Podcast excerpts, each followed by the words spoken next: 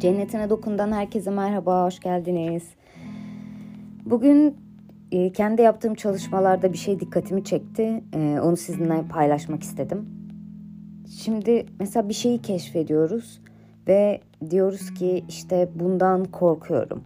Bir şeyden korkuyorum. Ve sonra e, bunda biraz derinleştiğimde şunu fark ettim.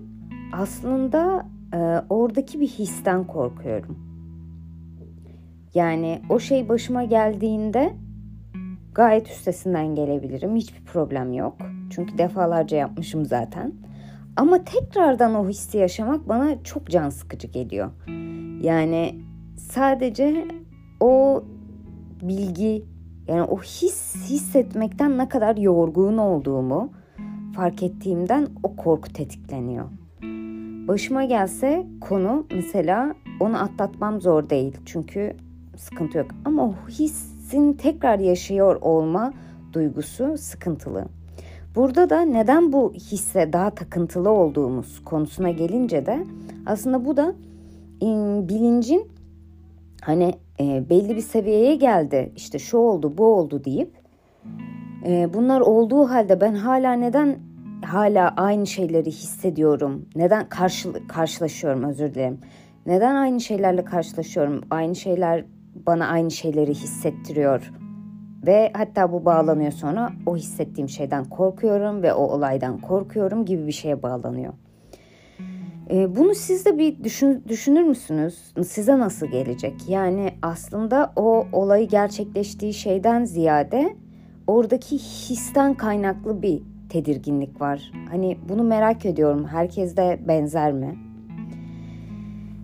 Onun haricinde e, konu güzel bir konuydu. Bugün baktığımız konu.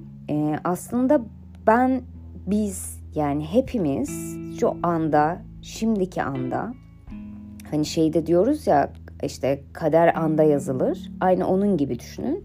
Zaten sürekli an vurgusu bu yüzden yapılıyor. Normalde etkilenmeziz. Yani hiçbir konuya karşı şeyimiz yok. Hmm, nasıl diyeyim? Bir geçirgenliğimiz yok yani. Bizi etkileyen sadece kendimiz olabiliyoruz. Bu ne demek? Yani zaten bizde olan bir şeyle biz etkilenebiliriz.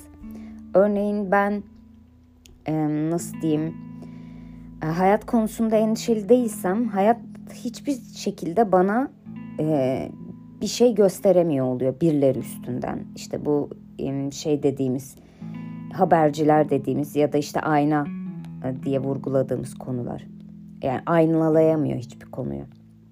Ben kendi içimde değersizlik, yetersizlik ya da işte e, sorumsuzluk ne bileyim e, bu tarz bir şeyler taşımıyorsam bunun bana gösterilme ihtimali yok. Saldırı hep benim kendi düşüncelerimden geliyor.